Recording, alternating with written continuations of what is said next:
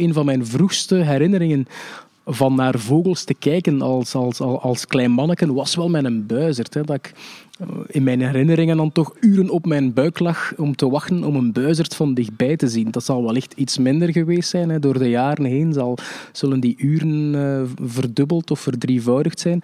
Maar dat herinner ik me wel, dat, dat ik als klein manneken een buizerd van dichtbij zie en dat ik daarvoor in de bosrand heel lang op mijn buik lag met een oude, zware, slechte verrekijker van mijn vader, waardoor dat ik eigenlijk niet veel meer zag dan zonder verrekijker.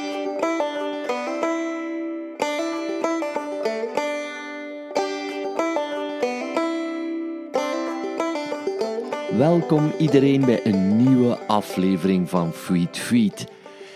Soms, heel soms, moeten sommige mensen niet te veel kennismaking nodig hebben om tot een goed gesprek te komen. En dat was het geval tussen mij en Wouter Favijts op een iets wat een frisse oktoberdag. Wouter is werkzaam in het natuurpark Het Zwin in Knokkenheist en koos drie vogels om te bespreken. Maar af en toe kruisen er natuurlijk wel andere dieren ons pad. Eh, een paar ganzen bijvoorbeeld, of zelfs een trippelend bosmuisje, u zult het wel horen. Wouter koos in ieder geval de bosrietzanger, de ooievaar en de wespendief als zijn favoriete soorten. En we beginnen op het moment dat er een koppel koolganzen overtrokken en van dan af is het hek van de dam. Ik zou zeggen, hou u vast aan uw bretellen, want het wordt een bijzonder mooie aflevering. Geniet, lieve mensen, geniet van een stukje slow radio. Um, maar die, die, het zijn een van de weinige vogelsoorten, ganzen of ganzensoorten, waar dan mannetje en vrouwtje jaar rond bij elkaar blijven.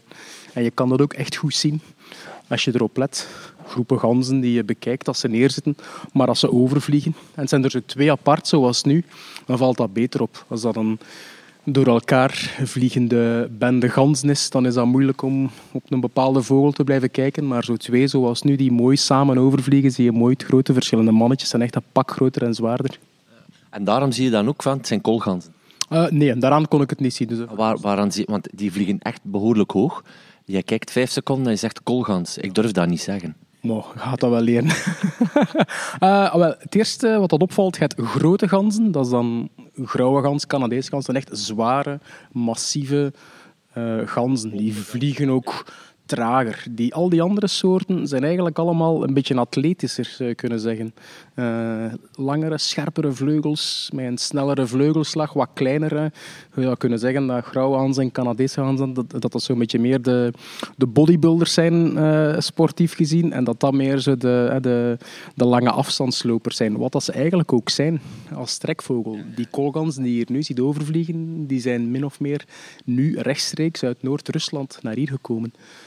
En voor de rest heb ik het ook gezien, het waren volwassen vogels. Ze hebben ook zo zwarte strepen op de buik. Dat, is dan, dat geeft hen dan weg als koolganzen, want het is ook de moment dat er kleine rietganzen en zo vertrekken. Dus, uh... dus we zijn nu, even duiden voor de mensen die luisteren, we zijn 15, 14 oktober, half oktober. Dus de ganzen uh, uh, komen naar hier, de trek is volop in gang. Hè. We zijn 15 oktober, is dit nu, zijn we net op tijd voor die trek of is dat er al wat over? Of hoe moet ik dat nu allemaal situeren? Je bent eigenlijk heel goed op tijd voor de trek, maar je zou al ook op tijd geweest zijn vanaf juli pakweg. Dus vogeltrek is een heel uitgesponnen fenomeen, omdat er eigenlijk heel het jaar door praktisch vogels op reis zijn. Nu, de piekmoment dat er heel veel soorten en heel veel exemplaren trekken is augustus tot oktober. Maar ook daarvoor en daarna zijn er echt nog altijd pakken vogels die onderweg zijn. Dus herinnert je misschien nog een paar jaar geleden, of het is al wat langer geleden, toen de vogelgriep ons land in de ban hield. Toen werd de overheid uh, communiceerde toen naar burgers wanneer de vogeltrek begon. En dat was dan in functie van de, wie kent het woord nog, de ophokplicht. Hè. Hoe zou het nog zijn met de ophokplicht? Uh, dat was, ik vond het altijd een beetje lachwekkend, want dan, ik geloof dat 15 september was. Toen begon de vogeltrek, hè. zo zei de overheid ons. En uiteraard, allee, ik trek het nu een beetje in het belachelijke, dat had beste bedoelingen.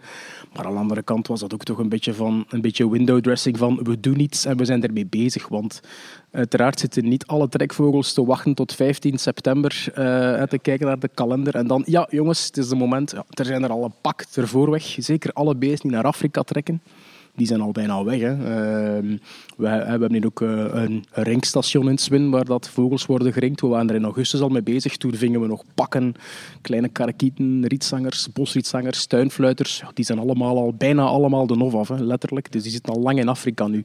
We hebben uitzonderlijk nog één kleine karakiet kunnen ringen, want we zijn naar het ringstation geweest. Dus dat was wel heel leuk. Maar dat is inderdaad die uitzondering. Op, ondertussen op de achtergrond een groene specht. En we staan hier ook vlakbij het, uh, het borstbeeld van uh, graaf Lippes. Dat is eigenlijk de founding father, de stamvader zal ik maar zeggen, bijna, van het Zwin. Um, zonder hem bestond het Zwin niet.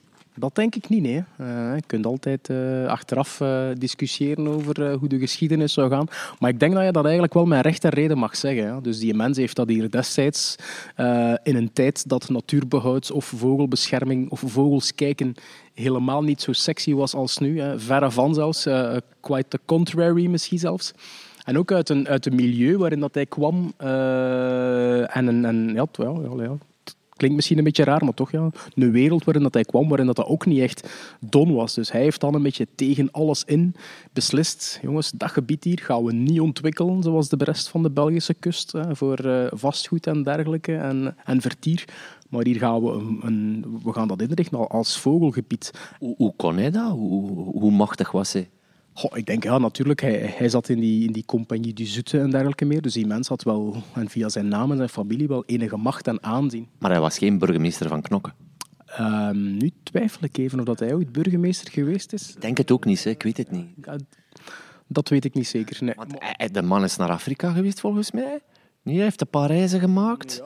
Ja, Puur ornithologie, ja. Uh, uh, heeft ook wat boeken geschreven. Er staat tot mijn verrassing in twee boeken, zag ik vanmorgen in mijn boekenrek over lippes. ja, omdat ik heb een tweedehands collectie overgekocht en ik dacht van, ah, tja. Dus die man was er wel heel intens mee bezig. Founding father. En nu zijn we 2019. En waar staan jullie nu met Swin? Wat kan je er nu over vertellen? Van waar dat je trots op bent? Het Swin heeft de laatste tien jaar, zullen we maar zeggen, een, een, grondige makeover gekregen. Dus het is van een privé natuurreservaat een privé uitgebaat park, wat uniek was in België, ook toen. Hè. Bijna alle natuur is voor de rest, of natuurreservaten zijn uh, ofwel door de overheid ofwel door VZW's opgericht. Um, sinds een jaar of tien is het grootste deel van het gebied overgenomen door de Vlaamse overheid. Het Agentschap voor Natuur en Bos beheert vrijwel het volledige gebied. En het kleine stuk centraal in het midden, waar Twee Natuurpark in zit, dat is in eigendom en beheer van de provincie. Um, en dus het parkje waar hij zit. En hier wordt ook dat, uh, dat educatieve verhaal eraan gebreid. Um, dus waar we nu zijn, ja, in 2016 is het nieuwe Zwin Natuurpark opengegaan. Een volledig nieuw bezoekerscentrum met een volledig opnieuw ingericht park. Dat eigenlijk niet meer lijkt op het park van vroeger. Het park van vroeger was ook een beetje een dierentuin. Uh, met de kooien en dergelijke meer. Er waren nog wel wat mensen, en zelfs heel af en toe zijn er nog, die dat jammer vinden. Omdat men zegt dan, we zien geen vogels. Maar ja, dat zijn dan mensen zonder verre kijker uh, of, of, of, iets meer die eigenlijk verwachten om naar een kooi te kijken. Nee, dat zijn we niet meer, maar we benadrukken dan natuurlijk dat, ja, dat alle dieren die hier nu zijn, dat die wild zijn en dat je die zelf kan gaan zoeken. Hè. Ja, dus eh, ik neem bijna aan dat dat ook al een beetje de oudere generatie is die die opmerking maakt. Maar ik ben misschien ouder, ik ben 47, dus ik kom wel van de generatie die jaarlijks een bezoek aan het Zwin bracht, naar de koeien. En uh, dan uh, een beetje verder ging wandelen om lamsoor te zien. Dat was eigenlijk hetgeen wat wij deden, niet meer dan dat. Maar in die zin is het inderdaad een prachtig park geworden. Maar jullie hebben eigenlijk, ik denk vorig jaar, een nieuw stuk bijgekregen. Of hoe moet ik me dat inzien? Of, of een andere uitgebreid? Of, of... Um, begin dit jaar is het gefinaliseerd, maar we waren er al een paar jaar mee bezig. Inderdaad, is het Zwin 120 hectare groter geworden. Dus de, de zwinvlakte, wat dat je mag uh, omschrijven als het stuk van het zwin dat onder directe invloed staat van de zee, dus waar twee keer per dag via het getij de zee binnen en weer buiten gaat, dat is 120 hectare groter geworden. En dat is feit sinds februari 2019. Dus de oude dijk, er was vroeger een dijk die die, die, die zwinvlakte zo wat onnatuurlijk en rechtlijnig afbrak. De internationale dijk, die al dateerde van 18 uh, in de 70 ergens, die is afgebroken. En dus ja, weggehaald. en er is een nieuwe lange dijk aangelegd. Ehm, en in dat, ja, daar kan de zee gewoon binnen. En dat is fantastisch. Hè? Dus dat is zich snel aan dan, dan, krijg je toch een totaal ander soort biotoop, of vergis ik me? Ja, absoluut. Wel, een ander, dus het, het, het is een, een slik- en schorrengebied dat zich nu aan het ontwikkelen is. Het is fantastisch om dat van op de eerste rij mee te maken, want ja, het gebied bestaat nu ongeveer uh, 7, 8 maanden. En ja, je ziet nog, ja, het, het, is zich nog aan het vormen. Hè. Dus de zee is dat gebied werkelijk het boetseren. Uh, de vogels reageren ook al leuk. Dus er zitten hier uh, bijvoorbeeld qua steltlopers zitten hier aantallen die naar Belgische normen althans wel uh, behoorlijk leuk zijn de vogelkijkers moeten nog een beetje komen, die moeten nog een beetje komen ontdekken. Maar dit is echt een gebied dat heel veel potentieel heeft naar, naar aantallen watervogels en, en steltlopers die hier passeren, overwinteren, ook broeden. Dus uh, het is echt een fantastisch gebied. Want ik, ik zit dan veel in Verdronkenland van Saftingen. Als ik dan zo op de kaart kijk, dan denk ik van ja, dat is eigenlijk uh, het wind doorgetrokken hè, van, uh, van west naar oost. Maar daar heb je dan toch wel echt die invloed van de, van de Schelde, van de Westerschelde in dit geval, en dan van de Noordzee. gaat het dan eigenlijk iets meer naar het land van Saftingen op het Zwin, qua gebied? Um, ja, enerzijds wel. Hè. Dus, dus het is een gebied waar de zee vrij binnen en buiten komt. Hè. En afhankelijk van springtij of, of, of, of, of doodtij komt er veel water binnen of net niet. Uh, het is natuurlijk anders in die zin. Ja, dit is echt puur zoutwater dat binnenkomt. Dus het, het, het type habitat dat je krijgt is wel niet helemaal hetzelfde, maar goed, het zijn alleen maar uh, ecologische diehards en nerds die dat misschien echt gaan zien, dat die planten anders zijn, dat de vogelsoorten misschien net wat anders zijn. Hier gaan soorten broeden die minder of minder gemakkelijk in Saftingen gaan broeden, maar ook vice versa. Het maakt in elk geval ook deel uit van hetzelfde Schelde-estuarium. Dus eigenlijk, dat is ook niet zo, niet zo goed bekend, maar eigenlijk het Zwin ligt aan de monding van het hele Schelde-estuarium, waar dat ook Saftingen deel van uitmaakt. Dus je mag dat eigenlijk gerust wel zien als, een, uh, als deel van een, een gelijkaardig of hetzelfde ecosysteem.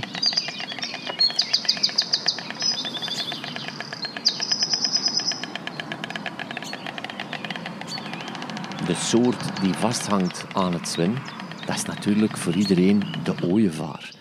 En dat is ook de reden waarschijnlijk waarom dat die op jouw lijst staat, die ooievaar. Of zeg je van ja, maar die symbolische soort heeft toch wel nog een bijzondere waarde? Ja, eigenlijk wel. Het is te zeggen, het is sinds dat ik hier in Zwinnen werk dat ik die soort misschien nog beter ben gaan appreciëren. Het is een beetje een soort met een, met een speciale lading, hè. zeker in Zwin. Eigenlijk zijn een groot deel van de ooievaars in België zijn eigenlijk afkomstig van of geïntroduceerde vogels. Dat zijn weer koolganzen trouwens, dat hoort. Wat hoor je? Ah, koolganzen. Het zijn koolganzen die hier over gaan trekken. Ah, ginder. Ginder hoog, die groep. Kijk, die ginder hoog aankomen, zie je? Hoog in de wolken daar. Zie je een groepje dat zich nu... Ja, ja, dus je ziet, die beesten komen ah, ja, ja, ja. over zee. Uh, ze zie... nog enigszins in de wolken. En ze vliegen magnifiek in V-formatie, heel hoog. 16 koolganzen. Dus je ziet echt, die beesten komen van grote hoogte, van over zee. En die hebben nu, in de verte, zien die nu wellicht hun, hun, hun polders liggen rond dammen, want daar overwinteren er heel veel. Uh, ook hier in de buurt van Swinwell, maar het merendeel schuift nog iets verder door. En die beesten zien nu dus in de verte de plek waar ze naartoe moeten. En ganzen, dat zijn beesten die oud worden. Dat kan uh, 20, 30 jaar oud worden. zijn ook gewoontebeesten. Die gebieden waar ze uh, ofwel op trek uh, in stoppen of overwinteren, die ze kennen. Dus uh, ik overromantiseer het misschien een beetje, maar anderzijds, die beesten die zien nu waarschijnlijk de plek die ze in gedachten hadden toen dat ze enkele dagen geleden in Siberië vertrokken zijn. Destination Damme, kun je het misschien zeggen.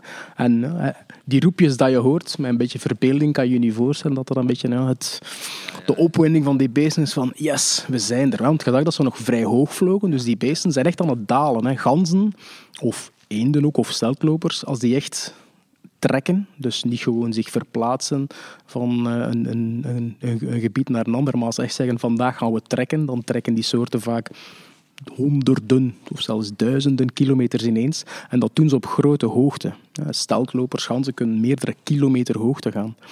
Dus die zijn, zoals dat je zelf in een vliegtuig zit, dan ben je ook al aan het dalen van een half uur op voorhand. Dus dat is wat die beesten nu aan het doen waren. Die zijn langzaam aan het dalen naar uh, ja, het is dan niet naar, naar, uh, naar Malaga dat ze vliegen, maar naar Damme. Het is toch vast in je seatbelt in ieder geval. Ja, ja, ja, ja, zeker, zeker. Dus dat is fantastisch. Hè? Zie, zie je nu ook een, een verschuiving in ganse populaties wat betreft klimaat?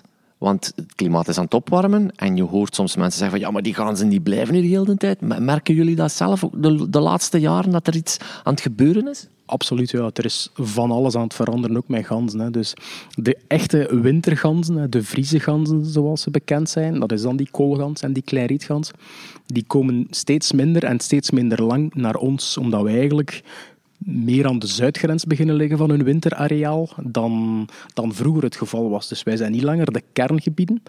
Die beesten komen nog wel naar hier, voor een deel omwille van dat die, die, die, die traditie. Dus die beesten kennen die gebieden, gaan daar graag naartoe en keren daarom terug. Maar eigenlijk tegelijk merken die van, we kunnen eigenlijk misschien ook in Noord-Duitsland blijven hangen, want dat is hier ook niet, zo, uh, niet meer zo koud in de winter. Dus ze blijven daar vaker hangen. Tegenwoordig overwinteren grote aantallen ganzen in Polen, Noord-Duitsland, Zuid-Zweden, waar ze vroeger niet zouden kunnen overwinteren, omdat er te lang sneeuw lag. Want bij ganzen is het niet zozeer koude een probleem, maar wel langdurige sneeuwval die hun voedselbronnen afdekt. Ja, als ze dat niet meer moeten doen, ja, dan, dan kan dat wel verschuiven en dan kunnen die tradities veranderen. Dus die beesten zijn traditioneel, maar ze hangen niet vastgeketend aan die tradities. Dus dat zien we wel. En die ganzen die je dan het hele jaar doorziet, ja, dat zijn andere ganzen. Hè. Mensen zien dat niet zo gauw, maar dat zijn andere ganzen. Hè. De, de, de zomerganzen, zoals ze genoemd worden. Dat is dan grauwe gans. Canadese gans, brandgans is dat ook geworden. Ja, dat zijn vogels die hier broeden en die dus eigenlijk niet meer of niet meer over grote afstand uh, wegtrekken.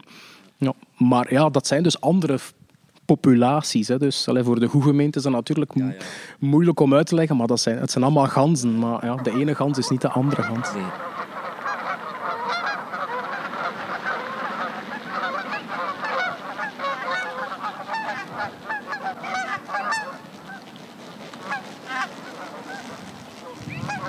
Maar die, uh, we waren bezig over die ooievaar en de symbolische waarde van Sven. En verder? Well, die vogels zijn dus uh, ja, een beetje veronachtzaam, denk ik, door veel vogelkijkers, omdat ze stammen af van geherintroduceerde populaties. Nu, zo, vooral in Zwin, ook in Plankendaal. Nu ondertussen ja, zijn die dieren al decennia zelfredzaam. Er worden al decennia geen ooievaars meer uitgezet. Dus ook volgens de regels in zaken introductie van dieren en vogels, daar bestaan officiële regels over. Het zijn eigenlijk trekvogels. Ik las ergens in Plankendaal hebben ze ze vastgehouden dat er op een gegeven moment het instinct een beetje uitgaat en dan kun je ze bijhouden? Of ben ik nu iets te kort door de bocht aan het gaan? Uh, dat klopt. Uh, en ze bijhouden is één ding en vooral ze dan voederen in de winter erbij. Hier in Zwin hebben we ongeveer, en die, eh, dat cijfer gaat op voor, uh, voor heel Vlaanderen en ook voor Nederland. Uh. Ja. Um, ongeveer 20, 30 procent van de ooievaars blijft. Dus trekt niet meer weg. Maar men stelt recent vast dat dat aantal afneemt. Dus er, het, er, zijn niet steeds meer ooievaars die blijven overwinteren. En in Nederland, waar de steekproef veel groter is, wordt dat geweten aan het feit dat er gestopt is met bijvoederen. Uh, dus vogels hadden winters geen incentive meer om weg te trekken, hadden eten ter plekke. En oké, dat trekinstinct is er wel, maar ja, bij vogels die, waar het trekinstinct misschien niet zo hard aanwezig is, of die gewoon ja, eieren voor hun geld kiezen, die blijven dan en die overleven. Waar ze dat van nature niet zouden gedaan hebben, die overleven. Uh, en ja, hier in Zwin merken we dat dus ook. Hè. De vogels die hier blijven overwinteren, er blijft een, een, een 10, 20 vogels blijft in de buurt overwinteren. Dat zijn allemaal oudere ooievaars. Een aantal zijn geringd, en ken ik dus. Zijn hier lokale broedvogels. En zijn ook oude vogels. Hè. Bijvoorbeeld, er zijn hier de twee uh, koppels aan onze ooievaarstoren. Dat zijn uh, vogels die veel bezoekers zien. Je kan daar van heel nabij in het nest kijken van op een paar meter. Dat is een fantastische ervaring. Uh, de twee vrouwtjes van die koppels, ze zijn allebei geringd. En daarvan weet ik dat ze minstens 17 en minstens 18 jaar oud zijn. Ik zeg minstens omdat ze ooit als volwassen vogel zijn geringd. Ze zijn dus al 18 en 17 jaar geleden geringd tijdens de winter hier in Zwin. Die vogels hebben nog het oude Zwin gekend, waar ze wel bijgevoederd werden. Nu doen we dat niet meer. Er is hier geen bijvoedering meer uh, van ooievaars.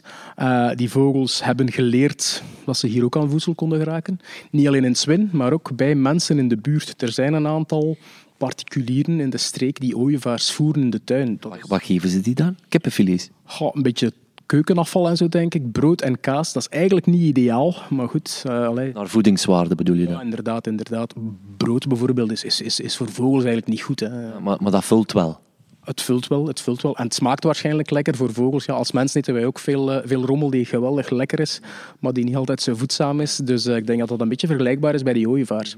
Dus en die vogels, ja, die slagen erin. Ondertussen zijn die ook zo ervaren dat die het gebied kennen, al hun adresjes kennen. En die slagen erin om zonder veel moeite de winter door te komen. Maar alle jonge ooievaars die hier in Swin op, uh, opgroeien, en ook geringd worden, die verdwijnen in de winter. En die zien we pas later, ja, soms maar jaren later terug. En die zien we althans tot nu toe, toch niet in de winter terug. We hebben er ook dit jaar drie van een zendertje voorzien hier in Swin, om een en ander eh, uit te zoeken. Dat is de eerste keer? Uh, vroeger, er is een, een, nu even uit het hoofd, een vijftiental jaar geleden was er ook een project Ooievaars zonder grenzen. Waarbij dan men zowel in Plankendaal, maar ook in Zwin een aantal ooievaars geringd heeft. In Zwin toen een, ook enkele exemplaren. Ja, geringd, maar dat is iets anders dan gezenderd. Ook gezenderd, sorry. Zei ik, eh, nee, nee, in, in Zwin hebben ze toen ook, uh, en in Plankendaal vooral, maar ook een paar in Zwin, ooievaars uh, van een zender voorzien. Ja. Maar je spreekt dan een aantal jongen die hier geringd worden, dan een aantal jaren niet gezien.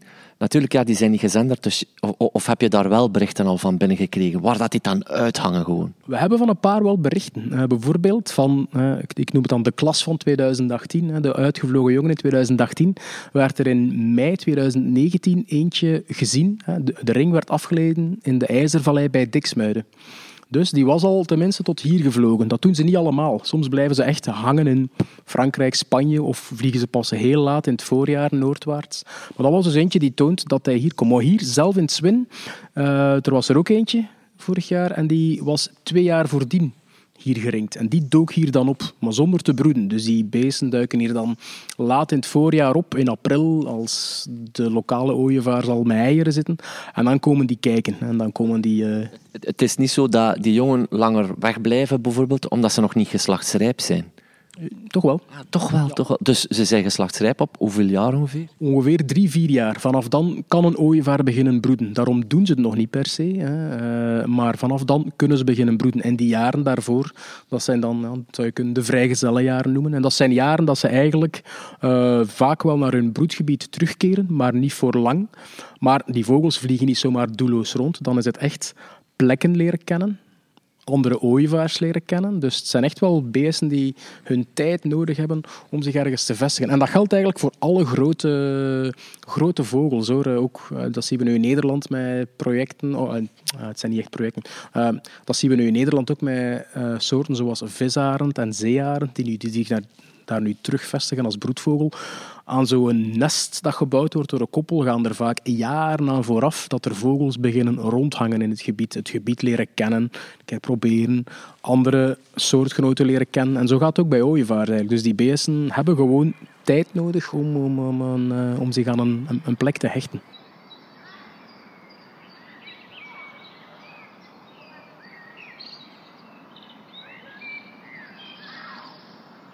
Het beeld dat ik ook koppel aan ooievaars is de ooievaarsjacht. Je ziet vaak macabere beelden, hè? Af, afgesneden koppen die ze dan met de snavel in, in de grond steken. Hebben jullie weet daarvan? Wordt dat opgevolgd of wat is de optiek daarvan binnen Zwin? Vanuit Zwin Natuurpark specifiek volgen we dat niet echt gericht op. Ook, en ja, dat is misschien een beetje een, een, een soort van uitvlucht, ook omdat de meeste van die tafereelen rond ooievaars wel in het Midden-Oosten zich afspelen. En onze... Li Libanon? Is zo'n bekend land? Ja, Libanon bijvoorbeeld, ja. En dat is de andere trekroute van ooievaars. Ooievaars in Europa hebben twee trekroutes om naar Afrika te gaan. En er zit min of meer ergens in Centraal-Europa zo'n soort van scheiding. Die is niet keihard, die scheiding, maar eigenlijk zo ergens een soort van onzichtbare scheiding. Laten we zeggen Europa en Azië, grof, grof gezegd? Ja, in West-Azië broedt ook een beetje ooievaars, maar niet zoveel hoor. Dus het merendeel van de wereldpopulatie van witte ooievaars zit wel degelijk in Europa. Uh, of in allee, het, het, het West-Palearctische gebied heet dat dan. Dat is Europa en, en directe omgeving is dat zo'n beetje. Hè.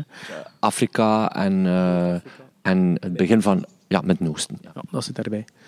Um, onze ooievaars, West-Europese ooievaars, trekken via uh, Tiberisch Schiereiland, uh, waar sommigen daar blijven overwinteren, of, een, of een, een iets groter deel steekt over naar Afrika.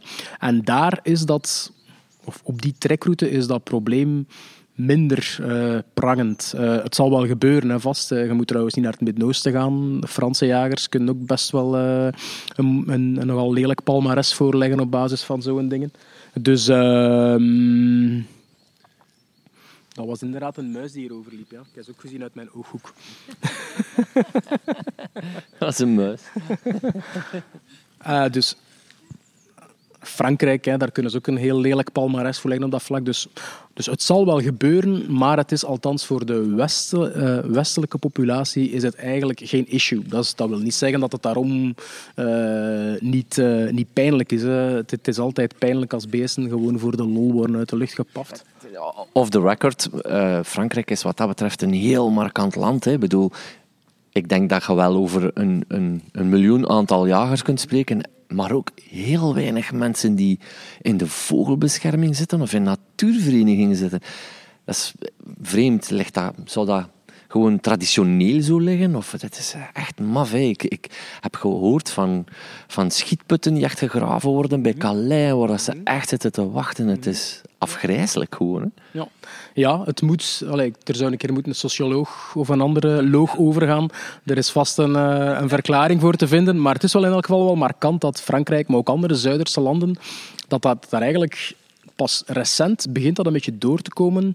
Hè, dat vogels kijken of, of, of, of, natuur, eh, of genieten van natuur, dat dat daar meer wordt dan, dan van een paar, uh, ja, dan van een paar uh, diehard uh, mensen. Dus ja, het is markant, het is opvallend.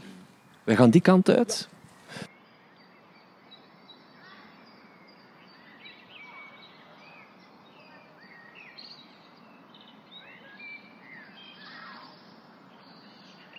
Dit is eigenlijk de, de plas waar de meeste mensen ook naartoe komen kijken eigenlijk. Ja. uh, we hebben daar juist zilverplevier gezien, waarvan dat ik eerst dacht het is goudplevier, maar ja, hoe komt het dat het er een beetje op lijkt? Of ben ik fout? Uh, het zijn jonge vogels, hè, juveniele vogels zoals dat dan in, in het jargon heet. Vogels die dit jaar geboren zijn. We zijn nu oktober, die zijn deze zomer geboren op de hoogarktische stenige tundra, in geval van zilverplevieren, in het uiterste noorden van Siberië. Het zijn echt beesten van uiterste zilverplevieren. En die juvenielen die hebben zowel op hun bovendelen nog uh, een heel vaag gouden zweempje. En daardoor worden ze wel al eens verward met goudplevieren. Dus dat is een perfect verschoonbare vergissing. Ja, maar uh, waarom geen goudplevieren? Goudplevier is eigenlijk in het zwin zelf, en dan bedoel ik echt zo de zwinvlakken, het, het, het zoute deel van het zwin, niet echt een algemene soort. Hè. Goudplevier is hier bij ons althans toch meer een vogel van, van polders en weiden, dus van het binnenland hier. Hè. Ze komen hier voor, soms zitten er ook kort aan de grond, maar eigenlijk de, zullen we maar zeggen, de default grote plevier van het zwin is zilverplevier, die toch meer een, een, een marines, nee, nee, marine is niet het juiste woord, zilverplevier die toch meer een, uh, een, een zoutwatersoort is, of een, of een slik- en schorre soort. Dus voor het zwin is dat echt een, een heel typische soort zilverplevier. Los van het feit uh, dat we hier allemaal kennis zitten te strooien, uh, dit is toch wel een prachtig stukje. Met, en steltlopers zijn sowieso mijn favorieten in de eerste plaats, omdat het al heel moeilijk is en veel kennis vergt om die soorten toch wel uit elkaar te kennen. In de eerste plaats ook omdat ze zomer-winterkleed hebben. Er zijn dan ook nog juvenielen bij, dus dat wordt dat heel moeilijk. Maar... Um, dit is een, een, een stukje dat niet aangelegd is, of hoe moet ik me dat voorstellen?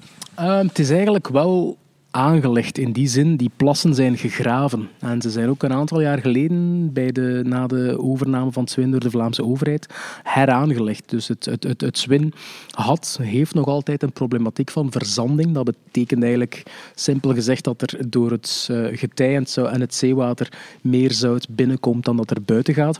Als dat jaar dan een stuk doorgaat, ja, dan op, op, op, op de duur heb je geen open water meer. En dat was hier aan het gebeuren. Dus die eilandjes, die er vroeger ook waren, door die vroeger uitgegraven plassen, want die waren destijds ook al uitgegraven, die waren gewoon verdwenen omdat ze in, in verbinding met het land gekomen waren. Uh, dus geen eilanden meer. Dat betekent die typische broedvogels, die meeuwen, die sterns, die kluten, die net op die eilanden gaan broeden voor de veiligheid. Hè, veiligheid tegen grondpredatoren. Uh, ja, die, die, die, die waren hun broedplaats kwijt en die waren dus ook verdwenen als broedvogel in het Zwin. Een, aantal jaar geleden is door uh, het Agentschap voor Natuur en Bos zijn die eilanden heraangelegd. De plas is her, heruitgegraven, uitgediept met nieuwe eilanden die ook zo zijn aangelegd dat ze echt die vogels perfect kunnen faciliteren om hier te broeden. En nu is dat, ja, nu is die, de Zwinplas is echt een van de kroonjuwelen van het. De, de, eh, de bezoekers van het, uh, van die, die, ja, die, die worden ook via een aantal schuilhutten naar die plas toegebracht en krijgen dan een, een magistraal uitzicht over die plas en alles wat erop zit. Dus ja, dat is echt wel een van de kroonjuwelen, die plas.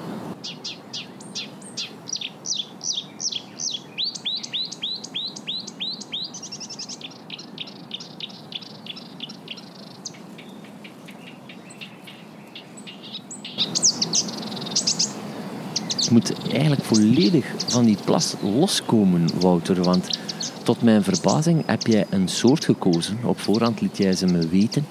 Eh, dat ik dacht van, oh nee. Maar soms moet ik er echt mijn, mijn best voor doen om er toch weer wel van te houden. Uh, wanneer ze in Engeland dat soort vogeltjes zien, noemen ze dat LBJ's, Little Brown Jobs. Je hebt namelijk de bosrietzanger gekozen je gaat toch een heel goede uitleg moeten hebben om, om te zeggen waarom je die gekozen hebt. Ah, ik, ik, denk dat ik die een uitleg heb, hè, want alleen, om op uw vraag al mijn, mijn, ook, ook met een Engelse slagzin te antwoorden, what's not to like about it? Hè? Um, zang, eh, of, um, kleine zangertjes van de uh, Acrocephalus-familie, zoals dat dan noemt. Het is familie van kleine karakieten en zo, dus dan noemen we dan de Acrocephalus-zangers. Bijna niet te onderscheiden voor mij qua uiterlijk van een kleine karakiet. Ja, inderdaad. Het is voor de betere autist om daar de kenmerken uh, van te onthouden. Mijn excuses trouwens voor deze foute perceptie van autisme. Uh, het zijn trouwens hele goede vogelaars. Ik ken er een paar. Ja, ja wellicht. Maar die mensen hebben een geweldig voordeel, denk ik. Op, uh, um, nee, ja, het, het, het, het is een een niet onopvallend vogeltje, dat is denk ik een understatement. Maar verder, alles wat dat verder aan die soort hangt, is voor mij fantastisch. Uh, het zijn fantastische virtuoze zangers. Hè. Kleine Karakiet, de, de, de tweelingsoort, zullen we maar zeggen, heeft eigenlijk een, een vergeleken met de bosrietzanger een saai, krassend liedje. Terwijl die bosrietzanger, dat is een virtuoos die een paar honderd soorten imiteert. Er zijn eigenlijk nog altijd twijfels of die soort überhaupt een eigen zang of een eigen riedeltje heeft. En of dat niet gewoon een aaneenschakeling is van honderden Europese, maar ook Afrikaanse soorten. Dus de meeste zangvogels, of toch de, het, eh, de zangvogels die uh, of, of, de groep van zangvogels waar bosrietzanger toe behoort, leren hun zang door de geluiden uit de omgeving. Ze hebben wel een aangeboren uh, vaardigheid, zal ik maar zeggen, maar de, de liedjes die ze leren, pikken ze op uit hun omgeving. En er zijn eigenlijk weinig soorten die dat, die, die, die uh, evolutie of die, die, um, die dat systeem zo goed tonen dan bosrietzanger, die dus honderden soorten hier in Europa, in het broedgebied, maar ook in Afrika, in het wintergebied. Want die vogels overwinteren in Afrika en daar pikken ze nog eens een pak soorten op. Dus dat alleen al maakt dat een fantastisch beest om naar te luisteren. Ik zou zeggen... En een levende veldgids voor Afrika. Ja, eigenlijk wel, ja. ja. Je kunt er echt eens bijzetten in het voorjaar als ze aankomen bij een bosrietzanger. Zet er u bij en geniet ervan. En luister ook uh, tussen het genieten door eens van al wat je denkt te horen. Want je hoort van alles. Hè. Uh, soorten die wij hier kennen, maar mensen die dan een beetje kennis hebben van Afrikaanse soorten, die horen ook Afrikaanse geluiden. Dus dat is al fantastisch. Er zijn een aantal soorten die andere soorten imiteren. Ik, ik denk daaraan een gekraagde roodstart kan dat, uh, spotvogel kan dat, uh, een gaai imiteert spreeuwen. Maar het verschil met Bosrietzanger is dat waarschijnlijk dat hij dat op een hele virtuoze manier heel snel verwerkt in zijn lied. Ja, klopt. En dat eigenlijk alleen maar imitaties zijn. Imitaties zijn, komen inderdaad bij vrij veel soorten voor. Zelfs bij merels uh, doen dat vaak. Maar er is eigenlijk bijna geen enkele andere soort bij ons die dat zo geperfectionaliseerd heeft als die bosrietzanger. Dus ja, dat vind ik er zo fantastisch aan. Ik vind het een plezier om naar te luisteren. Elke keer opnieuw. Ik dacht dat je hem gekozen had omwille van zijn vliegkunsten dat is een tweede reden dat ik hem inderdaad gekozen heb. Dus dat heb je goed geraden. En dan het, het, het, het trekgedrag meer bepaald. Dus van al onze broedvogelsoorten die wij hier hebben en die in Afrika overwinteren, zijn er eigenlijk maar een paar die zo ver gaan als bosrietzangers. Ze gaan overwinteren in zuidoostelijk Afrika, dus Zimbabwe, Botswana, Mozambique. Dat is in rechte lijn is dat al een 10, 11.000 kilometer. En ze doen dat dan nog via een fantastische loopmigratie. Dus in het najaar vliegen bosrietsangers zuidoostelijk. Dat is al een afwijking. De meeste van onze trekvogels die wij hebben die naar Afrika gaan, vliegen zuidwestelijk of zuidelijk. Nee, bosrietsangers vliegen zuidoostelijk, heel het Europese continent door, via de Balkan, de oostelijke Middellandse Zee, en steken dan daar de Middellandse Zee over. Toch niet zo slim? Um, ja, nee, maar ja, veel van. Qua afstand? Uh, nee, slim. Die soort is. Uh, de, de, trekroute van een vogel weerspiegelt de plek waar die vogel zich ooit ontwikkelt, of, of, of te zeggen, waar die soort tijdens de ijstijden voorkwam. Uh, hadden duidelijk een refugium tijdens de ijstijden waar ze voorkwamen, dat in het zuidoosten lag, en kleine karakieten in het zuidwesten. Dus die vogels vliegen eigenlijk elk jaar opnieuw hun, zou je kunnen noemen, hun voorouderlijke route. De route langs waar de soort zich verspreid heeft nadat de ijstijden uh, voorbij waren en het klimaat of, of de, ja, de, de ijzige uh, weersomstandigheden zich noordwaarts terugtrokken. Dus bosrietzangers komen uit het zuidoosten en niet uit het zuidwesten, zoals oh, de meeste van onze vogels. Dat is fantastisch, fantastisch. Dat wist ik helemaal niet. Ja, dat is wel heel interessant wat je nu zegt. Ja. En op de koop toe. Ze leggen dan een hele afstand af, maar hoe ze het dan doen. Dus ze vliegen van hieruit naar het zuidoosten. Dan stoppen ongeveer alle bosrietzangers van de wereld stoppen ergens in Ethiopië en Sudan. Wat ze daar doen, ze, ze ruien daar. Ze vervangen hun verenkleed. Dat doen sowieso alle vogels en bosrietzangers doen dat daar. Maar die ruien dus niet voordat ze trekken? Um, rui is een complex uh, gegeven dat bij ongeveer elke soort anders is, maar een simpele vuistregel is dat lange afstandstrekkers ruien vrijwel alles in de wintergebieden, in Afrika in ons geval hier. Ja. En die bosriezangers dus ook. Dus die doen dat dan daar. Maar dan zou je zeggen, oké, dan zijn ze al vrij ver. Sudan, dat is ook al niet bij de deur. Maar uh, wat doen ze dan? Ze ruien daar. Daar zijn ze mee klaar in november, december. En dan vliegen ze doodleuk nog eens verder door naar Zuidelijk Afrika. En daar overwinteren ze dan. Daar komen ze pas aan in december, januari. En dan in het voorjaar, het voorjaar is vrij laat voor uh. Die, die, die moeten hier maar aankomen eind mei, uh, begin juni. In het voorjaar trekken ze via een oostelijke route die hen over het Arabisch Schiereiland voert. Dus heel veel bosriezangers vliegen via oostelijk Saudi-Arabië, Oman, Jemen, vliegen zo weer terug naar ons. Dus als je volgend voorjaar om te beginnen al eens aan het genieten bent van die fantastische zang van die beesten, dan moet je ook bedenken wat voor een fantastische reis dat dat beestje daarnet heeft opzitten. Dus dat allemaal samengevat, what's not to like about een bosrietzanger? Ja, je hebt mij volledig overtuigd, moet ik zeggen. Dat was sowieso al het geval als ik er naar begin te kijken en ik begin te zoeken van... Ah, maar ik moet er, je moet er zoveel geduld voor hebben hè, om dat soort vogeltjes te leren kennen. Um, iets wat ik mij afvroeg is, ik, ik uh, heb gehoord, en, en vandaar dat ik het even wilde toetsen, misschien weet jij het, ik heb gehoord dat rietzangers, hè, dus dat is voor, voor de luisteraars niet hetzelfde als een bosrietzanger, maar zit wel in hetzelfde geslacht, denk ik. Maar die, die bosrietzangers, voordat ze vertrekken, zijn ook fenomenale trekvogels. Zouden die zich voeden met bepaalde luizen, waar daar heel veel suikers in zouden zitten? Weet je het? Ken je dat verhaal? Dat durf ik niet meteen bevestigen, nee, dus dat weet ik niet meteen. Maar ze, ze, ze, in elk geval, uh, voor ze trekken, voor ze zo'n afstanden afleggen, inderdaad, moeten vogels wel enige reserves aanleggen. Hè.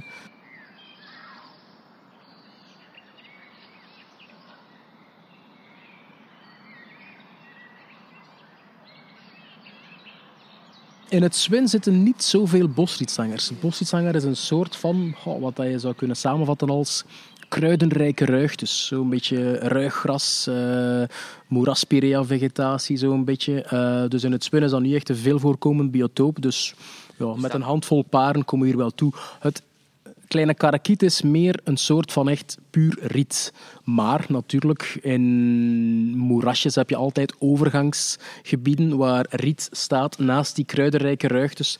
En dan kunnen ze wel perfect uh, naast elkaar voorkomen. Maar als het een beetje kan helpen voor de mensen die, uh, die het noorden kwijt zijn voor het, uh, het determineren van die twee soorten soms. Het kan echt wel helpen om naar het habitat te kijken. hoor. Als je echt een beest in zo'n puur riet ziet kan het wel, is de kans wel veel groter dat een kleine karakiet En omgekeerd, in, in zo'n kruidenrijke ruigte, dat is echt bosrietzanger biotoop. Maar hm, het is toch best om, zoals steeds bij vogels, uh, niet over één kenmerk uh, ijs te gaan. Maar de roep is een duidelijk uh, identificeerbare waarneming eigenlijk. Ja, de zang is compleet anders. Zij het wel, pas op, kleine karakieten kunnen ook wel imiteren.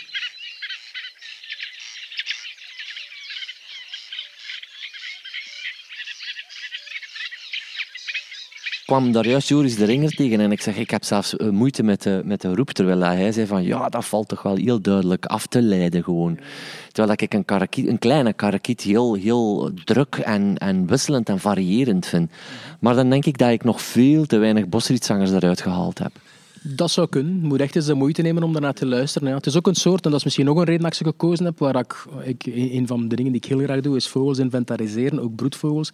En al ja, vele jaren is dat een soort die ik in een paar gebieden opvolg. En een van de leukste broedvogeltelbezigheden voor mij is op, een, is op een zonnige ochtend in juni heel vroeg opstaan. Want dan is het helaas ook uh, de moment van het jaar dat heel vroeg uh, licht is. En dan midden in een biotoop staan waar bosriezangers zingen. Ze zitten ook vaak heel dicht bij elkaar. Kunnen echt op, op een kluit, op een, op, een, op, op een hectare kunnen 10, 20 bosriezangers zingen in goede biotopen. En dat is gewoon zalig om ze daar dan bezig te zien. En dan kan je ze echt eens ten volle uh, ervan genieten. Dus uh, echt een aanrader om eens te doen in juni. Oké, en dan, ze hebben vochtig biotoop nodig, maar toch hoor ik dat die kleine karakiet toch wel echt ja, eh, echt water nodig heeft. Hè. Die, die, heeft dat riet nodig, vandaar dat hij dat... Die grote karakiet, uh, nu gaan we wel een grote sprong maken, denk ik, van de bosrietzanger naar de grote karakiet. Maar die zie je hier niet zoveel. Klopt dat? Omdat hij eigenlijk oudere rietveldjes nodig heeft en daarom hier bijna niet te zien is? Precies, dat, is, uh, dat blijkt toch uit Nederlands onderzoek, waar die soort het ook heel slecht doet. Uh, dat grote karakiet gebonden is aan wat ze daar noemen dan oud waterriet. En dat is echt riet dat stevig volledig in het water staat en dat jarenlang kan blijven staan. Het probleem bij, bij, bij veel rietvelden uh, is, is ja, dat die eigenlijk niet met hun voeten in het water staan. Uh, en dat ze dus eigenlijk te verdroogd en te verruigd zijn. Kleine karakieten of frietzangers vinden dat niet erg, maar voor grote karakieten is dat blijkbaar wel, uh, wel een issue. Een van de soorten die dan eigenlijk vlakbij die buizerd ligt, qua soort, is die wespendief. Maar tegelijkertijd ook weer zo totaal anders dan een buizerd. Klopt, ze zijn ook helemaal niet verwant aan buizerden. Wespendieven zijn eigenlijk nauwer verwant aan wouwen.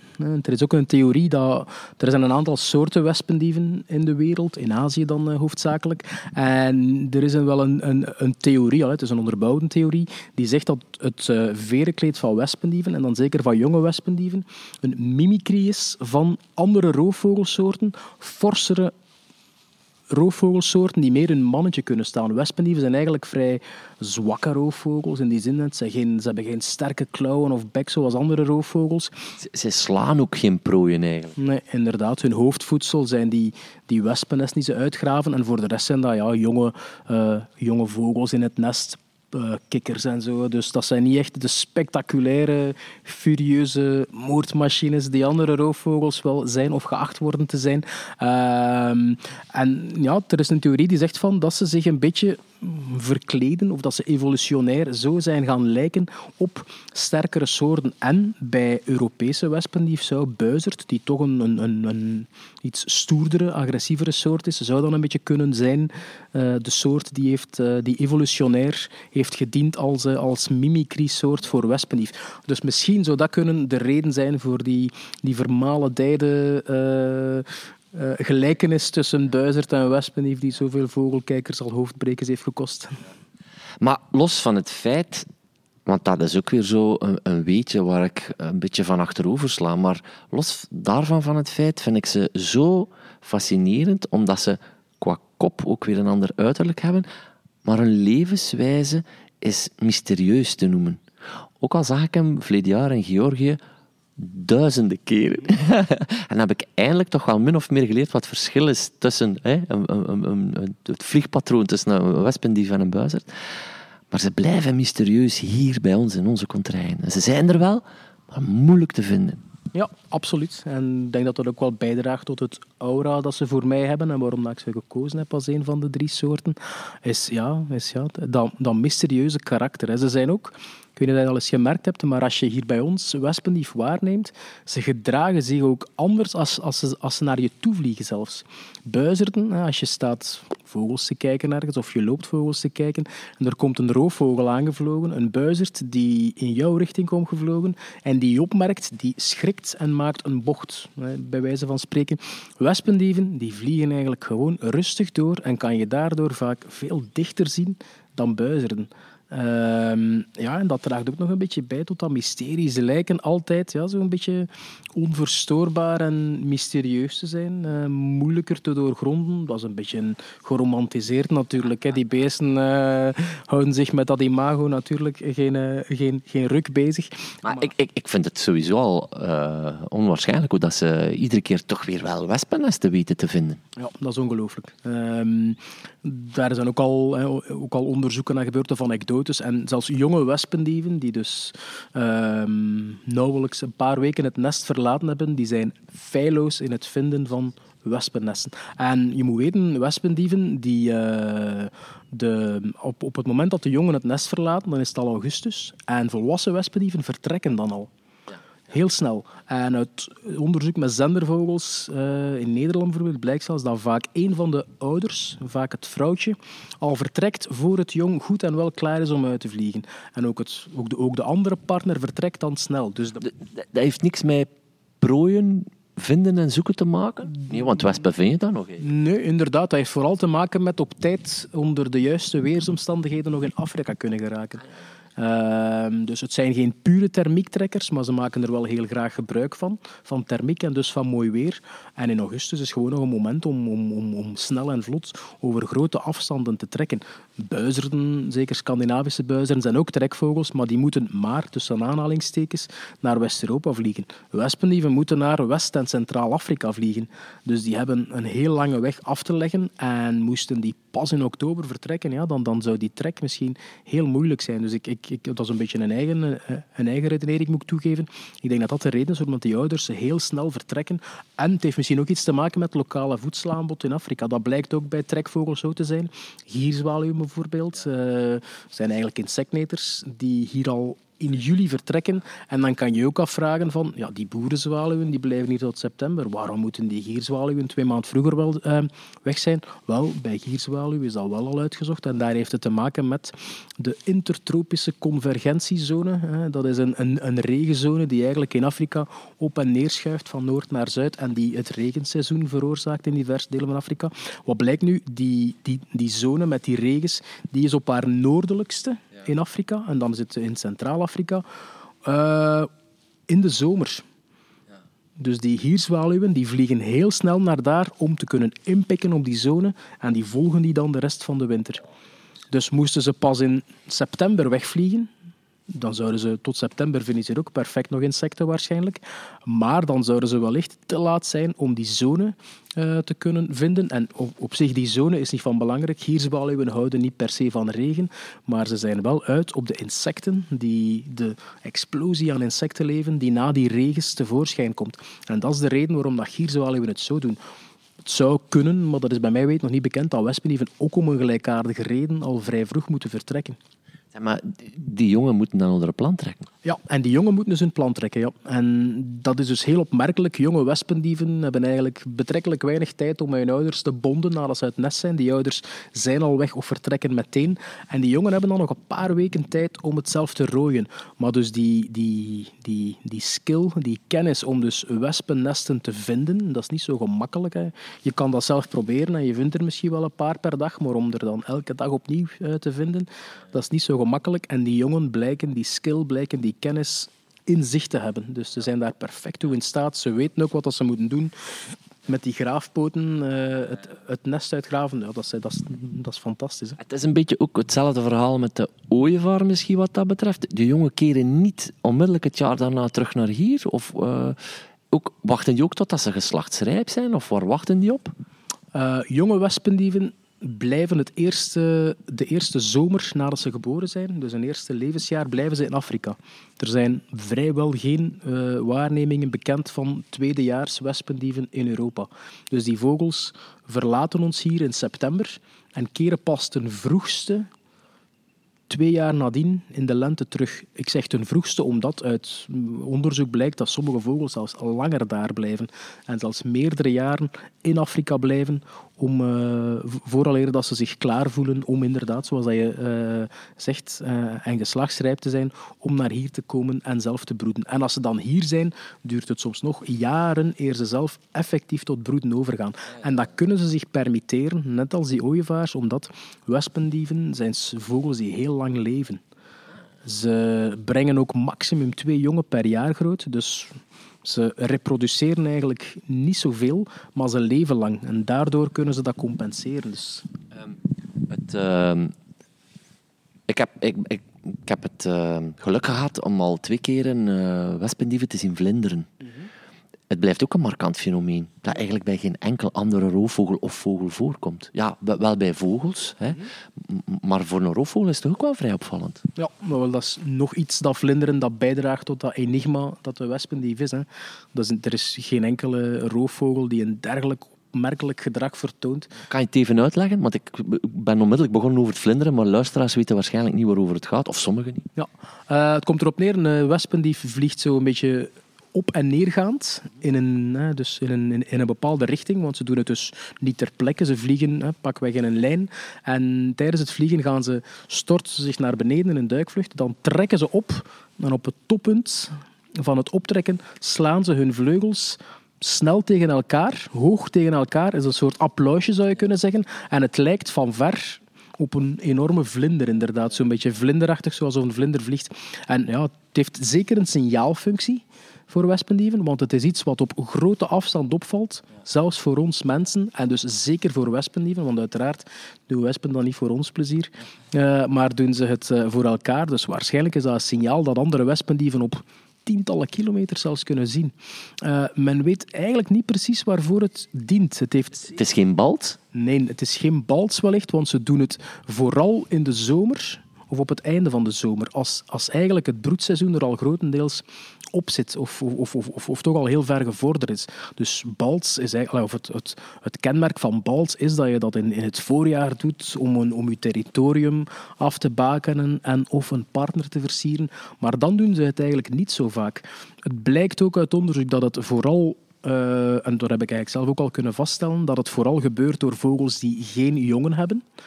Dus die op dat moment geen nest hebben waar ze voor zorgen en die eigenlijk veel tijd hebben om bezig te zijn met, laten we maar zeggen, uiterlijke schijn. Dus het, heeft, het, het, het is zo markant, eh, dus het heeft zeker een heel belangrijke sociale functie, maar echt het fijne weten we er nog niet van. Um, er is zo'n wespedief-specialist, Rob Bijlsma. Heb je die al ontmoet?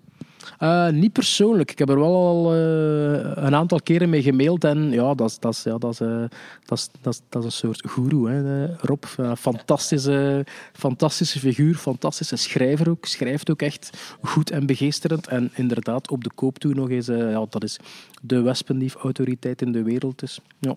Hij zou, uh, er zou een nieuw boek van hem op de plank liggen, dus uh, we zijn benieuwd wat er van gaat komen.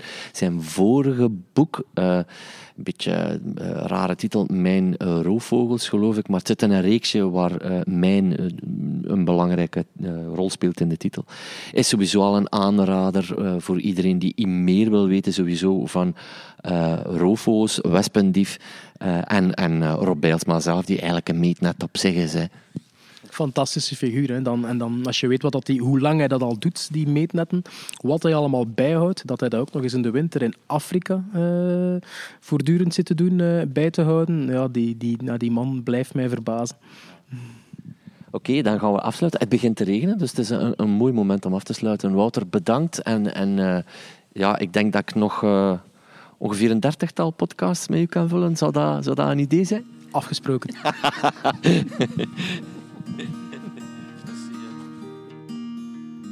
Wat een feest, dames en heren.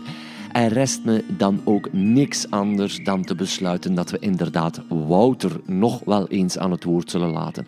En dan ga ik graag nog maar eens naar het Zwin in Knokkenheist, alwaar ook een uh, museum is. Alhoewel museum is een iets wat ouderwets woord voor het interactief belevingscentrum, zal ik maar zeggen, dat ze daar hebben.